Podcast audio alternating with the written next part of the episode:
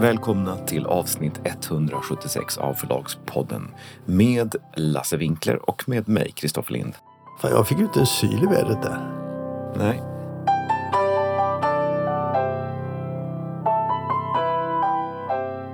Det tyngsta vi har idag, det kan man nästan säga direkt innan vi har börjat spela in. Det är det samtalet som jag gjorde med Håkan Ruders häromdagen. Du vet sånt som vi, eller du vet ju, men jag vet inte om de som lyssnar vet det. Men någon gång per år så gör jag en avstämning med Håkan Ruders som utifrån Bonnier Books perspektiv, eller vad ska man säga, Bonniers internationella perspektiv, går igenom hur de ser på de olika marknaderna, vad som är viktigt där och vad som inte är så viktigt där. Och även Sverige då. Och jag tycker alltid att det är intressant för det är ingen annanstans du får den genomgången och med, med ett svenskt perspektiv i botten. Så jag tycker alltid det är intressant. Och han pratar bland annat då om den norska marknaden och språkfrågan som han varit inne på förut. Hur det norska språket håller upp. Och då är det så att jag var ju i Oslo för två veckor sedan nu på en utbildning och gick runt i bokhandeln och tittade lite på det där. Och vi gjorde ett inslag du och jag. Och det tar vi före samtalet med Håkan Rudels. Men jag tycker att eh, vi börjar väl med det festliga va? Mm. Du var på fest igår. Precis, Norstedts 200-årsfest i Stadshuset. Jag får ju andra vibbar när du säger så. Jag känner mer så här, var det uppvisning eller var det en fest? Hur menar du med uppvisning? Ja, att folk sitter som på Nobelprismiddagen och käkar i stela kläder och, och sådär. Ja, men jag har ju aldrig varit på en sån middag så det är liksom bara min fantasi. Alla hade frack och ordnar på sig. Och, eh, nej, men det var absolut en väldigt trevlig fest. Och eh, folk hade klätt upp sig. Det var festligt och det var festlig stämning. Folk var på gott humör. Det var inte stelt, det kan jag nog inte säga att jag tycker att det var. Det här var ju i, eh, de hade 500 sittande gäster så det var inte i själva blå hallen utan det var i Gyllene salen heter den, där man under Nobelfesten brukar ha dans. Mm. Så där var det middag med massa tal. Det var tal av Ingrid Karlberg, Eva Svartz, Agneta Pleijel, Anna Jansson och Jonas Gardell. Det var faktiskt eh, riktigt bra tal, måste jag säga. Eh, roliga tal. Och mm, Agneta Pleijel, hon höll tacktalet. Jonas Gardell höll förstås ett väldigt roligt tal. Han sa bland annat så här, en sak som jag verkligen gillar med Norstedts, det är att de är näst störst och att Bonnier är nummer ett och att Norstedts är nummer två. Det skapar en känsla av att man måste vara lite annorlunda, att man är lite speciell. En känsla som annars bara delas av bögar, göteborgare och finlandssvenskar. Det var faktiskt roligt. Ja, det var faktiskt roligt. Det var faktiskt roligt. Anna Jansson höll också ett väldigt roligt tal. Och Eva Svartz höll ett intressant tal. Det visade sig att hennes farfars far har varit styrelseordförande på Norstedts och han och även aktieägare. Och han höll tal på 100-årsmiddagen som då var för exakt 100 år sedan. Det var väl en intressant coincidence. Sådär, men det var ju en historisk eh, värt att nämna. Mm. Hade du trevligt bordssällskap? Mm, jag hade ett trevligt, mycket trevligt bordssällskap. Ja, de hade liksom gjort olika teman kändes det som. Alla agenterna satt vid ett bord. Vissa bord så fanns det vissa teman och jag satt, hade hamnat på direktörstemat, temat, bordet. Eh, direktör, det kändes lite som ett direktörsbord, men det var trevligt ändå. Jag var ju inte där, men jag säger så här, mm, okej, jag hör dig. Du läser in för mycket. Ja, jag gör nog som alltid. Efter middagen så var det då drinkar och dans nere i Blå hallen och då så kom det ytterligare 700 gäster. Wow. Ja, det var väldigt mycket folk. Det är väldigt många människor som har jobbat på Norsets och som har författare och andra personer. Så det var ju mycket gamla ansikten som man kände igen för en som har varit så länge i branschen som jag. Så det var väldigt roligt, måste jag säga. Jag kom hem ganska sent. Ja, men varför... Finns det någonting du har berättat som gör oss andra avundsjuka? Eller finns det någonting från den festen som gör att det sticker ut lite grann? Jag menar, inget du har sagt nu får mig önska att jag var där. Nej, men du skulle inte vilja vara på någon sån här fest tror jag. Därför att? Men du sa ju det från början, det sitter bara massa folk, eh, stela folk i löjliga kläder. Du tycker inte om det här. Nej, det gör jag i och för sig inte. Men, men det var ju bara en liten provokation från min sida. Det är ju en, en, en löjlig klyscha, men gästerna gör festen. Det var ju väldigt mycket roliga människor som var där. Och det är ju en högtidlig stämning. Dels för att vi är i Blå hallen, men också för att Norstedts faktiskt firar 200 år. Visste du att Norstedts är Sveriges 26 äldsta företag. Nej, det hade jag ingen aning om. Det är ganska häftigt. Det är väldigt häftigt med tanke på att tradition spelar roll för bokutgivning. Mm. Det var väldigt mycket tal om Norstedtsandan för övrigt. Eh, den, togs upp i nästan, den togs upp i nästan varenda tal. Och eh, eh, det intressanta med Norstedtsandan är att den verkar betyda lite olika saker för olika personer. Till exempel för mig då i förra avsnittet av Förlagspodden och mm. för dem som är i... De, de har ju företräde, de har ju tolkningsföreträde. De är ju del av Norstedt så jag säger inget om det. Men fick du något beröm för att du hade läst boken? Eh, ja, det fick jag faktiskt. Eh, det fick jag faktiskt. Du fick beröm för din läsning i alla fall, att du inte trampade dem på fötterna då, eller hur ska man förstå det? Ja, de sa att de tyckte att det var eh, trevligt trots att Lasse Winkler som vanligt gjorde allt för att sabotera. Ja, nu vet jag att du bara hittar på, men det ligger en viss sanning i det trots allt. Dock inte alltid. Var det något branschsnack som gick på festen? Det brukar det alltid vara. Ja, jag vet inte riktigt, men alltså det är en sak som ju folk har talat om i branschen länge. Det, var, det är ju naturligtvis den här Uppdrag gransknings granskning av Salomonsson Alander Agency.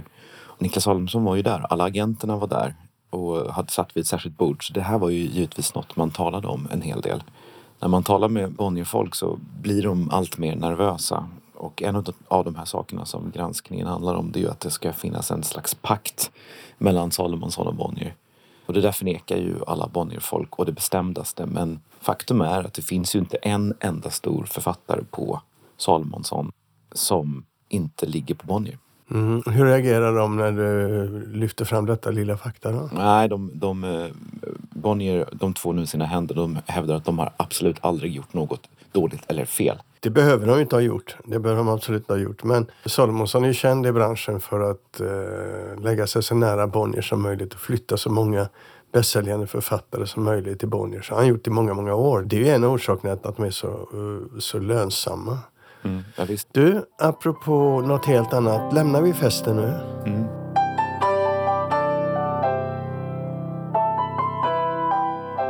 I detta nu så håller jag på att göra en artikel eh, beställd av The Bookseller om eh, Bookbeat och Storytels plats på världsmarknaden och vad som driver dem, hur de ser ut och så. Som Philip Jones, chefredaktören, mejlade mig och sa att ah, våra, våra journalister har lite svårt att fatta det där, vad, vad som gör det där någonting. Så då tänkte jag, då får jag väl göra det. Så då har jag varit mm. och intervjuat både Niklas Sandin från Bookbeat och Johannes Larcher från Storytel. Och av Niklas fick jag då en eh, bild som jag skickade till mm. dig. Mm. Som jag tyckte var väldigt rolig. Ja, väldigt kul. Och det är en graf som visar när på dygnet Bookbeats lyssnare lyssnar på eh, böcker. Tre tillfällen. Det är september 21, september 22 och januari 23. Så de har lagt olika färger över varandra och de ligger precis i varandra. Det finns inte ett ställe där de är annorlunda. Den lyssningen är faktiskt bevisat statistiskt. Så här ser det ut. Mm. Och du, när du såg den, vad tänkte du då? Vi känner ju mycket väl till när folk... Vi vet ju att, att man lyssnar mycket på böcker. På, att det går ner på fredagar och lördagar, all time low på lördagar och sen så går det upp lite på söndagar, måndagar, tisdagar, ligger det högt och sen så i slutet av veckan går det ner. Men det kunde man se på det här diagrammet men vad man framförallt kunde se det var ju då vilka klockslag som det går upp. Det, och det ser ut som ett hjärt-EKG kan man säga. Och folk lyssnar mycket i början på när de åker till jobbet, alltså från, eller på morgonen, så vid sju, åtta tiden.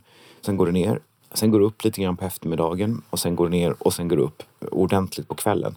Och jag håller inte riktigt med dig för att måndag, tisdag, onsdag, torsdag är exakt likadana. Är det någonstans där det är lite mer så är det faktiskt måndag, tisdag. Vänta nu ska vi se så jag får rätt här. Alltså måndag, tisdag, onsdag, torsdag ser nästan likadana ut från och med måndag kväll. Och då är det så i fem dagar i veckan så ligger toppen samtidigt runt klockan. Alltså den mesta lyssnarna är på kvällen mellan 21 och 23. Mm. Och det gäller måndag, tisdag, onsdag, torsdag och söndag kväll faktiskt. Där är de lika stora i stort sett. Men sen börjar man ju på morgonen och då är det lite mer försiktigt på måndag morgon vid 7-8. Men sen är det då tisdag, onsdag, torsdag, fredag, lördag på morgonen. Och sen så hackar det ner lite på förmiddagen fram till nio och sen går det upp sakta runt elva, runt ett. Backar lite vid femtiden, antagligen då man gör middag. Och sen upp i topp 21, 22, 23.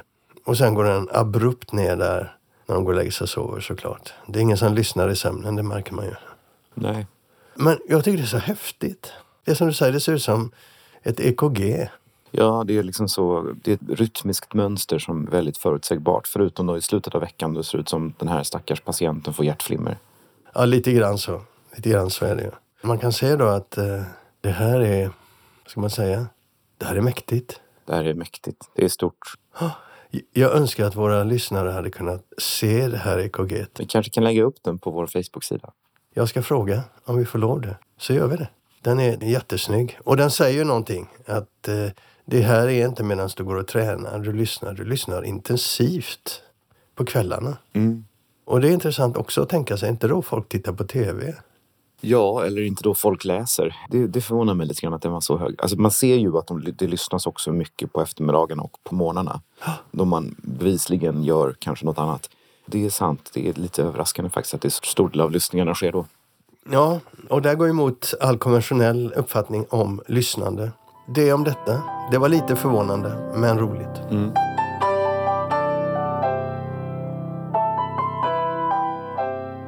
Jo, en liten grej bara. Det var ju reastart i Stockholm tidigare i veckan. Förra veckan. Ja, just det. Mm. Och jag var där. Jag gick på tre ställen. Jag gick på Söderbokhandeln som har en dags rea med 40% rabatt på allting. Där var det smock. Sen gick jag på um, Gamla Stans bokhandel som hade två dagars rea med 30% rabatt. Och där regnade det då. Det hade börjat regna och då var det inte så mycket folk ute. Och sen på kvällen gick jag på eh, uh, Ackis. Där var hyfsat med folk. Mäster Samuelsgatan. Allt fler har jag fattat gör sådana där readagar som Söderbokhandeln och Gamla Stans bokhandel gör. Åtminstone i centrala Stockholm. Oberoende bokhandlare kör inte längre förlagsrea om de kan undvika det. Och för mig som köpare så var ju, jag gick ju in i Söderbokhandeln och tänkte nu ska jag vara proffs här. Jag ska bara gå och kolla. Idioten kom ut med en full papperskasse. Och sen så spädde jag på då i Gamla Stans bokhandel, inte lika mycket. Och sen så köpte jag någon enstaka i slutet på Akademibokhandeln. Men det var mycket roligare rea i de här bokhandlarna som gjorde på allt. Mycket, mycket roligare faktiskt. Och en bokhandel som Söderbokhandeln då som har väldigt mycket småförlag. Och väldigt mycket, man, är man till exempel osäker på vad som ges ut i Sverige så är nog Söderbokhandeln en intressantare bokhandel om man vill se vad småförlagen och mindre förlag ger ut. För de exponeras väldigt mycket bättre än på någon annan bokhandel. Typ Akademibokhandeln som ju mer har eh, fokus på bästsäljare och mainstream. Så det var intressant. Mm. Var du ute någonting? Nej, men jag ska göra det nu i helgen. Wow. Fast du, har ingen, du brukar inte köpa böcker va? Jo då, jag brukar köpa böcker. Alltså, jag tror bara du gjorde böcker. All right.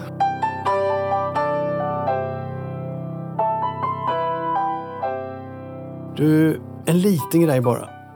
Jag var ju i Oslo Mm. och pratade på en utbildning där.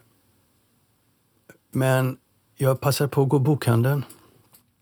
Och det var en intressant upplevelse. Ehm, Du var i Oslo alltså? jag var i Oslo, ja. Mm. Över dagen bara. Så jag passade på att gå några bokhandlar. Och de har ju väldigt bra boklådor i, i Oslo. Mm. Väldigt kvalificerade och eh, några av de bästa i Norden. Och jag var på tre stycken. De två största bokhandelskedjorna då. Och då såg jag att de i sina största boklådor så har de väldigt mycket engelsk litteratur. Jättemycket. Mer än vad du ser i, i Akis paradbutik på Mäster Samuelsgatan. Inte lika mycket som de dedikerat engelskspråkiga bokhandlarna som vi har i Sverige, men de har jättemycket engelsk litteratur. Prisbilden var väldigt intressant. Om man inte nu fastnar vid att böcker är dyrt i Norge. Allting är dyrt i Norge. Lönerna är högre, mycket högre och allting är dyrt. Jag menar, gå in och köp eh, en lunch så studsar du som svensk. Mm. Nej, men det är sant. Alltså böckerna kostar ju kanske 400 ny inbundet 450, 439, 450. Medan engelska böcker, nya som kommer in, ligger på 229, 239. Ja, och det är väl därför de, är så, de har så mycket engelskt i butikerna också. För att folk tycker att det är väl mer attraktivt när prisbilden, prisskillnaden är så stor. Ja, jag vet faktiskt inte. Jag vet inte hur mycket de säljer i de här butikerna av det engelskspråkiga. Men det är ju uppenbart att när du har en sån prisskillnad så är ju det engelskspråkiga attraktivt. Och eh, när jag var där så hade de tre för två. Köp tre engelskspråkiga böcker fullpris och betala för två. Så då var det ännu billigare. Det fanns inte en chans i världen att jag skulle köpt en norsk. Jag kunde få två engelskspråkiga till priset av en norsk. Jag kunde till och med få tre då när de hade det erbjudandet. Och det nästa jag tänkte på då det var ju att häromdagen om man tittar på bok 365.no som är den norska bokbranschens eh, tidning om du vill, eh, digitalt. Mm. Där hade de en debatt om det norska språket som utgick ifrån att språkrådet, det norska språkrådet hotar att lämna sina platser, att avgå eh, kollektivt om inte den norska regeringen tar språkfrågan på allvar. Vi har ju pratat om detta, både Norge och Sverige, hur språket attackeras, det är inte rätt ord, men hur de får konkurrens från det engelska språket på alla plan. Inom läsning, inom film, inom tv, inom musik, överallt. Och utbildning. Nej, men så är det. Förstår jag dig rätt här att de är arga på fasta priserna och hotar att avgå om man inte gör något åt dem? Eller? Nej, de är arga på att den norska regeringen inte tar frågan om norska språket på allvar och reagerar och gör någonting. Och jag ja, vet men kopplingen till dyra böcker är ju att... Kopplingen till dyra böcker är ju då att om du hellre köper och kan köpa två engelska nya böcker för en norsk så är det en konstig signal man ger till eh, bokköparen. Det är klart att man får folk att köpa engelska böcker om det är mycket billigare. Sen, du har helt rätt. Sen tror jag också att man ska Du säger alltid dyrt i Norge. Ja, det är det. Men Storytel är inte så dyrt och eh, Netflix är inte så dyrt och HBO är inte så dyrt. Och, så att boken konkurrerar ju med andra medier. Det är sant. Men vi ska inte gå in på den nu, det kan vi göra senare. Men, men bara min korta reflektion där. Att det var en konstig prissättning när man samtidigt har uppenbara problem att värna det egna språket mot eh, hur engelskan i vardagen eh, tar mer och mer plats. Mm. Utbildning, mm. det är samma i Sverige. Så att, men jag tror det är ännu mer utsatt i Norge. Det är samma i Sverige, men vi har ju inte i och med att våra, vi har fri prissättning på böcker och det är oreglerat och böckerna är inte så dyra här så gör det ju att skillnaden mellan engelska böcker och svenska böcker inte är så stor. Nej, engelska böcker prisas ju då i relation till sin kostnad. Eh, framförallt eh, transporter så läggs ju på det, så de blir ju lite dyrare istället för jämfört med Norge. Men det säger någonting när man kan ta 229 för en ny engelskspråkig bok och samtidigt kan hålla uppe prisnivån så högt på egna böckerna. Det är lite märkligt alltså. Mm. Det betyder att konkurrensen hade ju gett ett helt annat pris om det hade varit fria priser. Jo, men så är det. Ja. Det var bara en, en, en kort reflektion. Den var inte så genomtänkt, men den var ändå... Jag blev fundersam när jag var där. Kan vi ta med detta eller ska vi skita i det? Nej, men jag tycker vi kan ta med det, inte minst för att jag tror att du har rätt. Alltså det går inte att säga att det skulle, vilken skillnad det skulle göra om böckerna var billigare. Men hela den norska kulturpolitiken och prispolitiken på böcker, fastprisen, det syftar ju till att stärka norsk kultur, stärka liksom norska författare, norsk bokhandel och sådär. Och om man då ser att allt fler läser på engelska och väljer, om det skulle bli liksom en stor, viktig procentuell del av alla böcker som säljs är på engelska och läses på engelska så klart att det på sikt är ett hot mot språket. Som ju också är en del av den kultur som man vill skydda. Så nog finns det en eh, det, finns ju, det är ju komplext så att säga det här, men nog finns det en sån aspekt. Jag tycker att du är ute efter något intressant.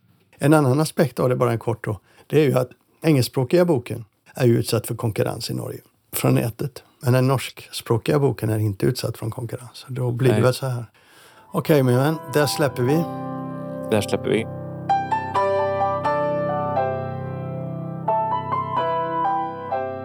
Hej Håkan Rudes.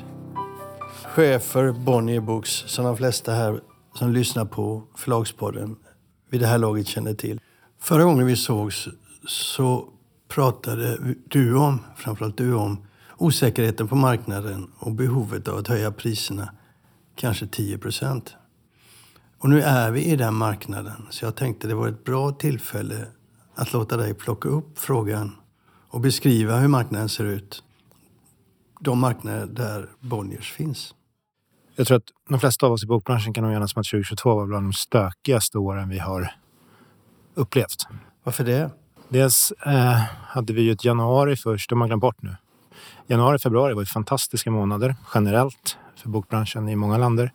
Och sen kom kriget den 24 februari och så började rätt mycket av eländet eh, i världen i stort. Men det är ju det är en annan diskussion. Men sen har vi haft en helt våldsam prisutveckling på, på papper framförallt. I kombination med e-handelsproblem ska jag säga. Från Amazon ute i, i vårt fall då Tyskland, England till e-handel egentligen i hela Norden.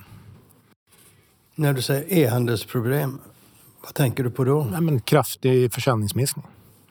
Eh, returer i vissa länder och så vidare. Så e-handeln hackar. Eh, lite postpandemi. Kanske lite andra saker, jag vet inte. Eh, ganska volatil marknad egentligen. I kombination med kraftig prisökning på, på först papper. Jag tror att vi är förbi det värsta på papperssidan. Då kommer det istället produktionsprisökningar, det vill säga inflationsdrivna saker som löner på tryckerier och andra typer av omkostnader. Den andra konstiga saken på volatil marknad, det var ju... Jag menar, I vårt fall, vi ökade vår omsättning ganska kraftigt förra året. Hur gick det förra året? Ja, men omsättningen var ju fin med nästan en försäljningsökning på en halv miljard om man summerar vår grupp. Eh, får vi i och för sig hjälp av den usla svenska valutan då, som kanske 200 miljoner av det då. Resten är riktig försäljningsökning. Men vi hade ju nästan till en kollaps i Norden i december. Jag tror inte man kan säga något annat egentligen på, på den fysiska bokförsäljningen. Det är liksom från det värsta Norge, näst värsta Finland och sen Sverige, Danmark fightas för de tredje platsen. Det såg vi inte på samma sätt i, i Tyskland eller England. Så en volatil marknad. Eh, så att när jag försöker beskriva året så är det berg och dalbana, stökigt, vad man nu vill. Tar man Bonnie Books, vi höll upp eh, omsättningen bra som sagt var. Vi som många andra pressade marginaler, framförallt på produktionssidan. Tappar flera procentenheter på bruttomarginalen. Vi har ju ett sämre 22 än 21. Men förlagen i slutändan gör ett resultat på ungefär 11 procent så är ebita. Så att vi, är väl, vi kommer undan med blotta förskräckelsen 2022. Nu ser du 2023. Vad ser du då? Det går nästan inte att säga. Det är eh, dimmigt. det, är, eh, det, är, det är jättesvårt att veta var marknaden är på väg. Det, vi, vi har liksom, för att fortsätta med Norden som exempel, usel avslutning för bokmarknaderna i Norden i december. Alltså fruktansvärt dåligt eh, försäljningsmässigt. Och sen i januari, då är plötsligt allt vanligt igen. Jag har aldrig sett något liknande. Eh, så... Stanna där lite. Du säger att december går ner väldigt mycket. Januari går upp som vanligt. Mm. Samtidigt är januari en månad med väldigt liten försäljning.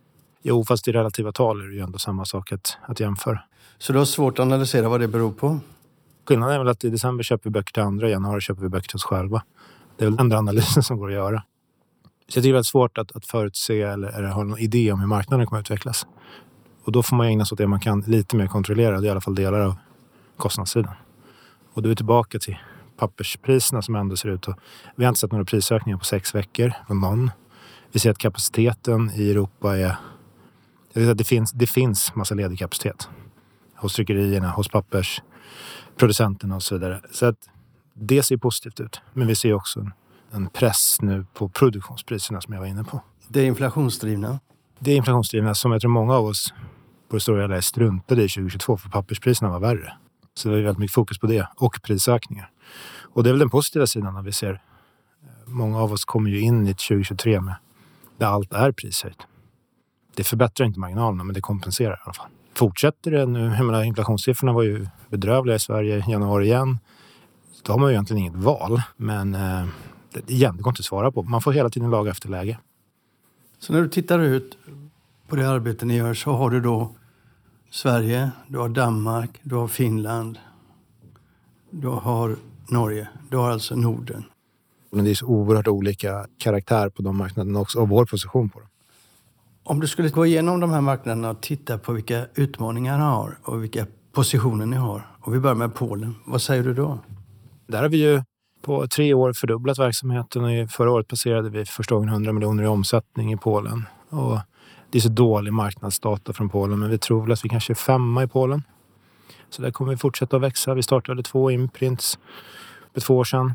Båda är nu uppe och snurrar. Så, där. så att, nej, men vi är stolta över vår polska lilla förlag. Vad heter ni i Polen? Bonnier Books Polska, fantasifullt nog. Mm. Det är ju Marginese, Jaguar, Klopka som är våra. Jaguar alltså. Är det förlag som ni har köpt med namn färdiga eller som ni har döpt själva? Eh, Marginese och Jaguar är köpta och sen är det skapat så att säga. Inhouse. Okej. Men det var länge sedan. Förvärven alltså. Och jag menar, i Polen mötte vi en inflation på 16-17 procent. Det är ju en av de högsta eh, inflationerna som förmodligen den högsta i Europa. Det är en utmaning i sig. Det går nästan inte att förhålla sig till. Vi hade en jättefin försäljningsökning under året och verksamheten går bra och där fortsätter vi att bygga. Tyskland. Vänta, stanna lite i Polen. Hur ser fördelningen ut där? Papper och djur till exempel. Papper är dominerande. Men Bookbeat går ju väldigt fint i Polen också, ska sägas. Det kommer bli en fin eh, ljudboksmarknad. Men Produktionen av ljudböcker då? Ni har inte den mängden utav titlar som ni har haft här eller? nej, det har vi inte. Vi har inte den historien alls. Vare sig här. Så är det ju. Men, men tar man på nyheterna så är det nog ration mellan utgivning som blir ljud ungefär densamma. Sen har vi Tyskland som gör ännu ett jätte, jättefint år. Det är inte all time high, men, men vi lyckas hålla omsättningen över 300 miljoner euro och det finns i sex olika städer och säkert 40 imprints. Liksom. Ja, men de största. Det största är ju Carlsen, vårt barnboksförlag. Någonstans mellan 45 och 50 procent av vår omsättning är ju barnböcker. För hela Bonnier det, det ligger ganska stabilt där. Sen har vi Tineman Esslinger och vi har eh, Ars Edition. Alla de är barn, framför allt. Gör lite annat också. Sen har vi Piper eh, som är skönlitterärt, nära till non-fiction också. Ullstein, samma sak. Sen har vi Hörbusch Hamburg, vårt ljudboksförlag. Och sen har vi München förlagsgruppe. Och sen har vi ett Wimmelbusch, ett litet förlag som vi köpte kanske två år sedan. Och där vet jag att det var förra året, tror jag, då du sa att du var väldigt nöjd, eller särskilt nöjd med att ni var tvåa på den marknaden. Nej, jag skulle säga att vi är etta. Vi får se när statistiken Det kommer. är kaxigt eftersom du har så starka konkurrenter där. Jag menar, Penguin Random House, Ja, ja. de är ju i Tyskland. Bertelsmann, ja. Absolut. Och så Holsbrink. Men eh, absolut. Nej, vi får se. Hur reagerar man i Tyskland på den? eh, Men vi, det är inte vår grej att hålla på och prata så mycket om det där. Och vi, Bonnier Media Deutschland är ju inte ett begrepp sådär, utan det är våra förlag. men då måste ni ha vuxit betydligt på bekostnad av konkurrenterna då? Men det har vi gjort de sista åren i, i Tyskland. Vi har ju tagit ett jättekliv. Absolut. Och hur skulle du beskriva den marknaden? Hur skiljer den sig från den svenska marknaden? Det finns ju massa saker som skiljer. För första, kulturen har ju annan, en annan position i stort i samhället. Starkare? Starkare, eh, större intresse. Politikerna är mer intresserade och så vidare. Så det är hela den aspekten. Du har ett fastprissystem, men, eh, men det är ju mycket, mycket mjukare än det norska. Och böcker är inte lika dyra som i... Det skiljer sig väl rätt ordentligt från det norska fastprissystemet? Ja, och det reglerar inte digitalt till exempel alls. Sen har man väl digitaliseringen om man, i stort i samhället och därmed bokbranschen som ju inte har kommit lika långt som här. Men med det sagt, jag menar e-böcker är så pass stort så att det är ingen jätteskillnad om vi slår ihop e-böcker och ljudböcker. E-böcker, hur stora är de överhuvudtaget på marknaden? Utav skönlitteratur så står det säkert kanske 20 procent. Och det är en rätt intressant fråga. E-böcker, de fastnar ju aldrig i Sverige. Men vad kommer det sig att de fastnar i Tyskland? Nej men de fastnar i alla länder där Amazon var tidiga. Det är ju det. Det är så enkelt. Amazon har skapat den marknaden. Nu är det för sent att försöka skapa den tror jag i länder som Sverige. Vi vill inte ha en device till. Kindle-kretsloppet blir liksom, det är för sent. Det blev aldrig något här. Hade Amazon etablerat sig tidigt tror jag vi hade haft en e-boksmarknad i Norden också. När vi pratar om e-boksmarknaden på det sättet så är ju den större än vad ljudboksmarknaden är i de länder där Amazon Ja, finns. det kanske det är. Större är den ju definitivt. Sen kan jag inte ration. Men jag menar, ta Tyskland, ta England, ta USA så är det ju... Sen växer ju ljudboken mycket, mycket mer än vad... E-boken är ju stabil eller lite kanske till och med minskande. Men då ska man komma ihåg att det är ju på en... Där prissättningen är i paritet med de tryckta böckerna. Så det är ju inte en pris... eh, Det är inte ett billigt format. Ja, så har vi det. Sen har vi såklart Amazon som är ju marknadsledare. Trots fastprissystemet. Det är också viktigt att påminnas om att de som har reducerat e-handeln eller i allmänhet eller Amazon i synnerhet till pris har ju fel. Liksom. Du blir inte marknadsledare om du inte kan använda pris som argument eller som erbjudande om inte folk vill handla hos dig av andra anledningar. Men, men låt oss stanna lite vid eh, ljudboken då. Mm. Hur stor del av er utgivning, hur många procent av er utgivning är ljudböcker i Tyskland? Men eftersom det är så stor barnboksutgivning så blir den ju mycket mindre än till exempel här. Dock. Men ge oss siffrorna för vuxenutgivning då. då. Utav våra, vår omsättning på vuxen. Ja men igen, du måste ju nästan... Jag tycker den typen av statistik är ganska meningslös. För det, du måste ju sätta det i relation till av det du ger ut som kan bli ljudböcker. Har du till exempel, som München förlagsgrupp som gör majoriteten är eh, illustrerade böcker, fackböcker. Det är klart att det inte blir så mycket ljudböcker av det. Du måste sätta den mot fiction och nära till non-fiction. Ja, vad jag är ute efter är ju att sätta den i relation till vad vi är vana vid. För i Tyskland har ju det lite annorlunda situation med ljudböcker. Ja, på det sättet att det är Audible som är störst menar du? Ja, och därmed styckförsäljning. Ja, exakt. Precis. Bookbeat är tvåa nu. Och där är det strömmande. Ja, men det är ju inte unlimited. Det har ju vi tagit bort. Det erbjuder inte vi längre. Utan det är en timmodell. Så att jag skulle säga att det som håller på att hända är ju att eh, den typen av modell, det som, som Bookbeat jobbar med i Tyskland, tar ju en större del utav tillväxten än vad Audible gör. Alltså man tar mer än sin marknadsandel. Så den marknaden håller också på att förändras. Och det är trots att Penguin Random House har sina böcker i, hos Amazon men inte hos Bookbeat. Då. Men ni märker ändå att det växer då? Ja, ja nej, men alltså vår uppskattning, eller min uppskattning ska jag säga, det är väl att um, Audible kanske hade 80-85 procent av ljudboksmarknaden innan Bookbeat. Nu är det inte bara Bookbeat som har kommit, det finns andra också. Men nu kanske man är nere på 60 om jag ska gissa.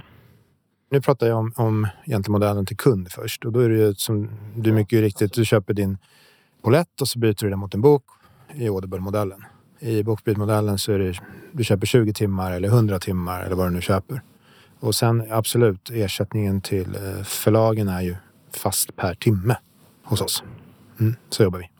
Jag menar ju fortfarande att eh, revenue share-modellen är paria, den ska bort i bokbranschen. Jag tycker att även över tid så ska unlimited-modellen bort. Det finns ingen anledning att ha den. Låt oss återkomma till det när vi har gått igenom marknaderna. Storbritannien då? Jag är supernöjd med Tyskland 2022. Jag är jag är minst lika nöjd med, med England. Vi växte med ungefär 7 procent på en marknad som i princip står still. Så att framförallt barnboksdivisionen gick ju superfint för oss med England. Vi har en omsättning över en miljard nu och vi är lönsamma. Så att jag, vi tror väl att vi vår uppfattning är att vi kanske är sexa, sjua på den engelska marknaden nu. Det tror du? Och där har vi ju det fina och eh, en del av den kanske starkaste trenden i bokbranschen. Det är ju böcker på engelska i andra länder. Där är vi en del av den. Liksom. Vad innebär den för er? Ja, men nästan 30 procent av omsättningen sker ju utanför England. Så att säga. Och det är ju det du ser här, i andra nordiska länder och i Tyskland och så vidare. Där, det är ju ingen slump att vi ger ut Prins Harry samtidigt på svenska som den kom på engelska. Annars är det nästan ingen idé att göra den. Och ändå dyker den engelska utgåvan upp på topplistorna. Och det är, den är ju urstark den trenden. Det är BookTok, det är eh, engelska språket som sådant. Yngre generationer som tycker liksom, varför ska jag inte konsumera på originalspråk? Jag får massa sån eh, så att säga, input från, eh, inte minst TikTok, men andra sociala medier. Så plötsligt så, och det här har ju, så sitter nog en del och lyssnar och tänker, men så här har det ju alltid varit. Skillnaden är att nu har ju de engelska förlagen och författarna en marknadsapparat lokalt, men det hanteras globalt via de sociala medierna. Det förändrar ju allt. Så export sales är ju superviktigt. Jag tror att den engelska förlagsbranschen ligger någonstans 28-30 procent. Om man, om man totala samlade förlags eh, så. Sen beroende på profil, beroende på hur mycket digital försäljning du har så får du en annan effekt när du gör upp ett, ett avtal med Apple, Amazon och så vidare och så plötsligt har du en, en global distributionsform för dina e-böcker och så vidare. Så är det ju. Men sen så det som nu händer, är tillbaka till det att du får, du får vissa titlar, du får massa backlist-effekt. Den typen av kraft har inte funnits förut. Som är superspännande. Det är ju tvåeggat. Det är positivt om du är ett anglosaxiskt förlag med rätt typ av utgivning. Men det kommer straffa den översatta litteraturen i, här utan tvekan och ganska brutalt. Alla små marknader skulle jag säga. För du får en annan kalkyl på översättning. Men du, hur ser ljudbokmarknaden ut för er i Storbritannien? Hur menar du hur den ser ut? Där finns inget strömmande. Nej, det, eftersom Hachette och Pam Random House inte gillar den. Hachette har ju börjat ändra sig. Så har det ju inte, har det ju inte gått tidigare. Eller liksom, vi har haft ett, ett, ett erbjudande som är så mycket sämre än, än Amazons. Så det har varit ganska meningslöst. Men som sagt, nu ändras det med, med Hachette. Jag tror att Random House kommer att ändra sig. Det är jättelätt att ha eh, principer när det går superbra. Det är lite svårare när det inte går lika bra. Kommer Bookbeat gå tillbaka in i Storbritannien? Vi finns ju där, men det är långkok. Liksom. Vi gör ju ingen marknadsföring. Vi existerar. Så får vi se. Så ni har inget stort utbud av titlar där? Nej, Vi har säkert flera hundratusen, men vi har ju inte Penguin House och i England. Det ska sägas, det har vi inte i Tyskland heller. Det har vår största konkurrent Audible och ändå har vi lyckats ta den här positionen. Och det visar ju ändå på att den här typen av affärsmodell på något sätt vill kunder ha. Och sen gäller det bara att hitta ett sätt som funkar för förlag, författare, tjänst. Sen har vi då Finland, där vi ju var med Förlagspodden. Mm. I Finland har det, som du sa då, slagit stopp rätt ordentligt när det gäller tryckta böcker. I julhandeln till exempel. Ja, i december. Det var helt okej fram till dess. Sen var det någonting. Men man ska komma ihåg att vi, utav- tar man de nordiska länderna så har vi kanske den svagaste bokhandelsstrukturen. Jag menar, det finns en kedja men den, jag vet inte vad man ska säga om den. Det blir mer och mer annat än böcker. De stänger butiker. Och det blir extra kännbart i en, en tid när väldigt många går från... Vi, vi har ju en, en återgång från pandemin från e-handel till fysisk handel. I, i, I alla fall i vår värld. Om de, har vi bokhandel som inte riktigt kan svara upp mot det så tror jag att vi, det sker ett läckage. Vi tappar bokförsäljning. Men utmaningen i alla små marknader och Finland är ju en sån. Eh, vi har ju en jättefin förlagsposition, vi har en jättefin utgivning i Finland. Men det är klart att du når en slags tipping point när det börjar bli oproportionerligt dyrt att trycka böcker, distribuera böcker och marknaden blir för liten. Och där är vi inte riktigt än, men vi börjar ju närma oss det ska jag säga. Vad händer då? Nej, men då får man ju helt, helt tänka om. Det, större andel av utgivningen blir podd eller priser kommer stiga ganska kraftigt på vissa böcker. Väldigt mycket böcker kan inte längre göras. Vi är inte där än, men, men det är väl egentligen risken för alla små marknader. Låt oss då hoppa till eh, Norge. Mm. Din och min favoritmarknad. Det är ändå kul, för det finns alltid något att prata om. Hur går det där? Jättejobbigt i december där också, framförallt för norsk skönlitteratur. Jag vet inte till slut vad försäljningen minskade med i december, men det var ju kanske 25-30 procent i branschen. Och sen januari, typ vanligt. Annars, jag menar, vi fortsätter. Vi startar imprint, vi rekryterar eh, förläggare, vi har börjat anta debutanter. Alltså vi, vi bygger. Som sagt, vi rekryterar flera förläggare, ja, ny CFO och så vidare. Så att vi, där är vi ju den här bygg... Alltså det är bara tradeutgivning eh, som vi har. Vi har inte... Alltså ingen Nej, utbildningslitteratur? där. Eller det har vi ingenstans längre, tack och lov. Vi har ju sålt allt och tagit ur allt. Kaplan var ju den sista. Det verkar i och för sig vara en lönsam affär, men den är ju så tråkig tycker jag. Så att, ja. Det är mycket roligare med, med litteratur. Skönlitteratur och så. Vilken position har ni på den norska marknaden? Jag vet inte om vi är fyra eller femma. Jag vet inte. Vad omsätter ni i Norge? Vi ligger väl på någonstans 160 miljoner i Norge. Hur ser du på den norska marknaden idag efter att ni har lämnat Cappelen Damm och etablerat som en uppstickare? Nej, Men det är som jag sa, det är väldigt kul. Det är kul att bygga. Det är kul att, att utmana. Vi kan ju göra allt det där i Norge och Danmark och prata om de där andra. Och de är vi i Sverige, de där andra i Sverige och Finland. Det är ganska kul. Det var ingen som frågade er varför ni bytte ner er. Det var bara jag va? Nej, det var ganska många. Det är ju inte helt vanligt att man väljer att gå ner i storlek.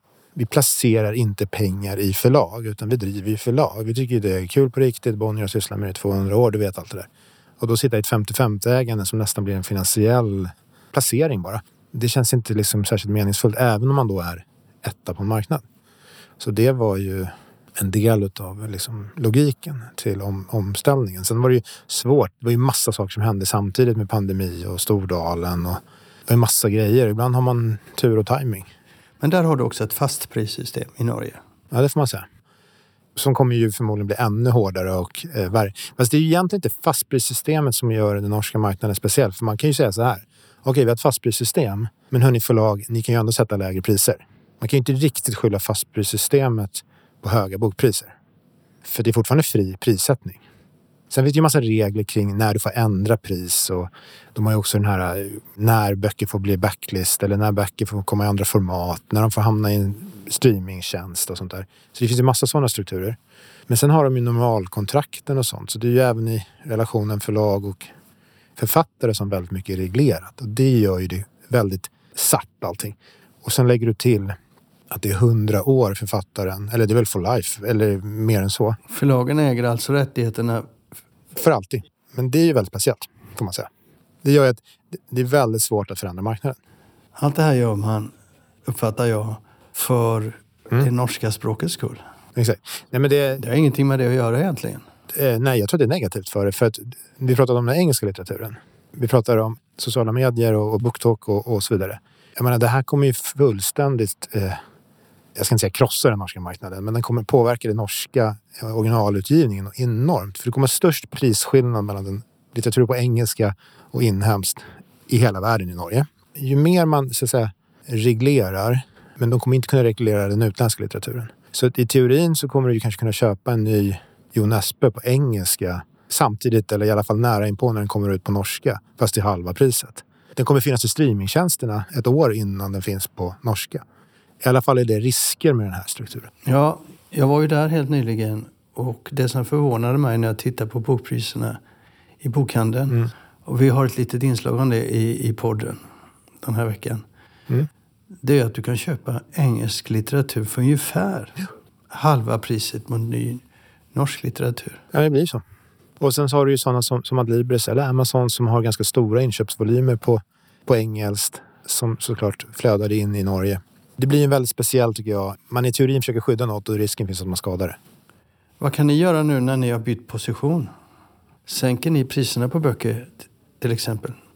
Jag vet inte exakt hur vår liksom, prissättning ser ut, ärligt talat. Men, nej, men dels gör vi allt försöka luckra upp vissa saker. Till exempel det här eh, livstids... Eh, Livstidskontraktet. Ja, vi tycker att jag menar, sju år är en ganska rimlig tid för att det gör ändå att författare kan eh, byta förlag och över tid få med sig sin backlist. Även om originalförlaget inte vill sälja den så kommer den över tid flyttas vartefter den går ut. Det skapar också en rörlighet. Det skapas... Vi som förlag behöver liksom anstränga oss hela tiden. Men det vi gör annars, inte så mycket. Det är inte med hur det såg ut på Kaplan Damm, för de hade väl det mesta av det. Det var ju ett väldigt utpräglat, vad ska man säga, one-offs på facksidan med kända personer och sen så superkommersiell skönlitteratur. Nu adderar ju vi fullbretts, vi bygger ett fullbrettsförlag som, så som det ser ut här eller i Finland eller någon annanstans. Och det kommer ju såklart ta lite tid, men det är det vi vill göra. Vi vill ju vara förlag där också som vinner de fina litterära priserna och så småningom har vi Nobelpristagare och första och andra platsen på bestsellerlistan. Vi vill alltid vara både och, inte antingen eller. Och Danmark då, där är ju positionen lite annorlunda. Där är ju allting väldigt nytt. Ja, exakt. Där är vi ju, där är vi ju Gutkind då, som vi startade från grunden. Och Alfa som vi köpte från, eller som var ett Stråbergförlag Som drivs var för sig. Och där, jag vet inte vad omsättningen blir, kanske någonstans 60-70 miljoner förra året. Så där kommer vi också fortsätta bygga. Vi kommer även förvärva om den möjligheten uppstår eh, i, i Danmark. Hur ser det ut på ljudboksmarknaden för er? Den är ju stor. Men den är stor. Jag menar, den är stor i alla länder i Norden. Och den är egentligen från, skulle jag säga, för marknaden, om jag struntar i profil på förlag, så någonstans mellan 25 upp till kanske Finlands 40 procent av skönlitteraturen. Där den finska är mest extrem. Och det är ju kopplat till att de har oerhört liten e-handel där. Eh, utav böcker. Av någon anledning. Och Sverige då? Vad säger du utifrån din position om den svenska marknaden? Rent allmänt, vad ser du för utveckling framför ja, men Marknaden först var väl, jag vet inte vad siffra, branschsiffran till slut slutade på, men ganska svagt 2022. Isolerat, men å andra sidan jämför man, ska man komma ihåg att vi jämför med 2021 som är förmodligen det bästa året någonsin. Så egentligen tycker jag att den gemensamma samlade bilden är att bokmarknaderna i stort gör ett långt mycket bättre 2022. Alltså det vill säga efterfrågan på det vi förlag sysslar med och författare skriver blev ju mycket, mycket starkare än vad åtminstone jag hade fantasi nog att tro. Sen hade vi andra besvär i form av eh, marginalpressen. Men sånt kan man ju både jobba med och förhoppningsvis får man lite hjälp med över tid av externa faktorer. Det är efterfrågan som är det absolut viktigaste. Så den svenska marknaden, det var inte ett superstarkt 22, men jämfört med, igen, jämför, vi ska komma ihåg vad vi jämför med. Så tycker jag att det var ett helt okej år. Till och med lite positivt kanske. Med brasklappen att den här svaga avslutningen, den var inget rolig liksom. Det känns väldigt slaget just nu. Vi får se vad, och det gäller ju inte bara Sverige, vi får se vart det tar vägen. Vad det gäller oss i Sverige så, jag menar Bonnierförlagen har, det är så pass fin förlagsverksamhet, den har hållit på så länge. Vissa år är det stolpe in, vissa år är det stolpe ut och, och så där håller det lite grann på. Jag har varit med tillräckligt länge för att, för att se det. Förra året var det väl kanske stolpe då, någonstans mittemellan. Rent liksom, när man tycker att saker stämmer eller inte stämmer. Men ganska tungt uh, ur ett finansiellt perspektiv uh, när det kommer till just produktions... Igen, produktionspriserna slår så himla olika beroende på profil på förlag. Vilka ramavtal du sitter i just då och så. Så att, men så här, helt okej. Okay. Ingenting vi kommer skriva in i rekordböckerna. Tillbaka till ljudboksmarknaden. Ni har ju Bookbeat i alla länder som ni finns. Ja, det har vi. Ja, England, men ja. Jag vet att du tänker på frågan om exklusivt innehåll. Kommer det att bli det? Jag är inte för det i grunden. Jag tycker att, som, som vi alltid har jobbat, att litteratur ska säljas. Ja, det är ju liksom själva grundidén tycker vi och tycker jag och eh, det är så vi jobbar. Men jag tror jag sagt det förut, om, om, om spelreglerna ändras så måste man ju liksom förhålla sig till dem. Vi kommer inte ta första steget till det. Men såklart att vi är beredda att, att svara eller ge oss in i det om det behövs. Får vi till exempel i Sverige aktörer på ljudboksmarknaden med separata innehåll, det vill säga eget innehåll? Ja, men så här, det finns ju redan. Bookbeat gör lite originalgrejer. eh, Storytel gör massa originalgrejer. Och sen har vi ju, eh, jag vet inte vad Akademibokhandeln eller Bokusgruppen står i det här. Förut så hade de ju någon sån här att de inte, allt som jobbas exklusivt med tar de inte in fysiskt i sina butiker och på nätet. Jag vet inte vad de står i det. Men tror du att det finns en chans att Jag skulle vilja byta ut, ut ordet chans mot risk i så fall.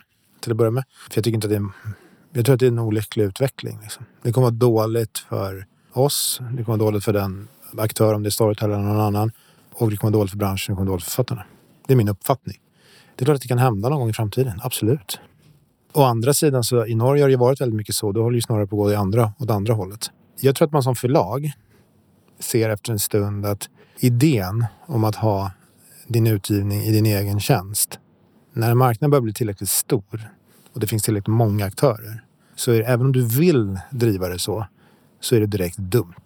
För du vinner inte lika mycket som du förlorar i, i förlagsled och i relation till dina författare.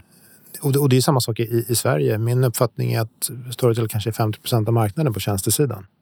Och för tio år sedan var de säkert, inte vet jag, 75. Ja, det går inte att säga. Vi får ju se vad marknaderna tar vägen.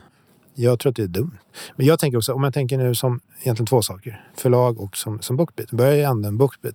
Vi ser ju inte Bookbeat som ett techbolag med någon slags som ska skala och det sådär. Bookbeat är ju i den segmentet digitala böcker, digital konsumtion, är ju det fysisk bokhandel. Vi sysslar bara med böcker här. Vi försöker rekommendera böcker, vi försöker ha allt. Vi försöker vara din bokhandel fast där. Och jag menar att det är viktigt för oss som förlag, det är viktigt för förlagsbranschen i stort. För att om det istället reduceras till att bli någon kategori på Spotify, då är det ju som att vi bara har en varuhusen om man nu jämför med den fysiska världen. Och kommer böcker prioriteras? Det är klart det inte kommer göra. Kommer någon vara väldigt duktig på att kurera det innehållet och vara engagerad och hålla på? Nej, det kommer man inte. För det är så mycket större, musiken. Eller filmerna, eller vad fan du nu sysslar med. Och jag menar, det vet jag ju på Bookbeat, de som jobbar med, med appen, eh, hur rekommendationerna ska gå till och så här, de vaknar ju varje morgon och tänker bara på, på det. De kämpar inte om platsen i relation med musik eller någonting annat. Så att jag tycker den är ganska... För oss, för oss är den viktig. En annan fråga som dyker upp nu Mm. är AI. Alltså Mm. bred bemärkelse då. Hur ser ni på det? Ja, men det är en stor fet möjlighet och en stor fet risk på samma gång. Men vi har ju precis börjat, jag menar, vi ger ut våra första böcker med AI-designade omslag här, jag tror att det är mars. I Finland faktiskt, de första. Det finns massa saker som kommer kunna effektiviseras, få upp hastigheten. Jag tror att det kan hjälpa till med kanske fantasin ibland. Men det är också, det är klart att det kommer också igen bara ges ut så jävla mycket skit rent ut sagt. Där man satsar på volym. Och det tycker jag så här, och det är väl fine. Någonstans, det finns redan massa sånt. Vi som förlag har ju aldrig varit med och det tror jag är väldigt viktigt att bara komma tillbaka till. Det har ju aldrig handlat om att ge ut mycket eller mest. Utan det handlar ju om att ha någon slags åsikt och ge ut rätt. Men samtidigt, det är fortfarande, tycker jag, det är så komplext och fortfarande så pass svårt. Så jag, jag, det vore bara fånigt om jag hade en oerhört stark åsikt. Jag, jag har stor respekt för det. Vi har, vi har placerat i vår riskmatris. Vi ser det som en möjlighet. Vi har ett Bonnie Books-projekt för att titta på hur vi ska förhålla oss till det här. Det är där vi är. Vad innebär det? Ja, men vi måste ett bara lära oss mer om det. Eh, Just nu har ju alla massa såna här fantastiska historier man har varit med om. Okej, men där bakom då? Och hur ska vi förhålla oss till just till exempel omslagsdesign? Betyder det att man faktiskt kan göra enklare berättelser? Har ni en speciell avdelning som tittar på det här nu då? En, nej, inte en avdelning. Det blir bara ett tvärfunktionellt projekt, precis som vilket som. Ja, men alltså, vi, precis som vi hanterar papperspriser, då är det så här, okej, nu har det hänt en stor sak. Något som konkret intressant som jag inte ens vet att fråga om, så att säga. Nej, men jag, jag är fortfarande, bara tillbaka till ljudboksfrågan, så, så tycker jag att vi har med en Bookbeat visat ett, det behöver inte ha ett pris. Eh, och det har skulle jag nog säga alla följt efter nu. Att man har olika prisnivåer och man kan... Men jag tycker det är inte en ekosystemets böcker om man så vill ska inte ansvara för den typen av gränslös konsumtion. Så att jag tycker att eh, Unlimited och Revenue Share, det är, som allt sagt, det är, jag tror inte att det passar bokbranschen. Skulle jag säga. Men vi kan, inte, vi kan göra det vi kan göra. Ja, där någonstans står vi. Till nästa gång då Håkan. Tack ska du ha. Tack.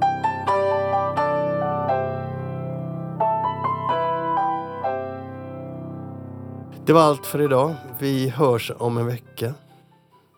Det gör vi. Hej då. Hej då.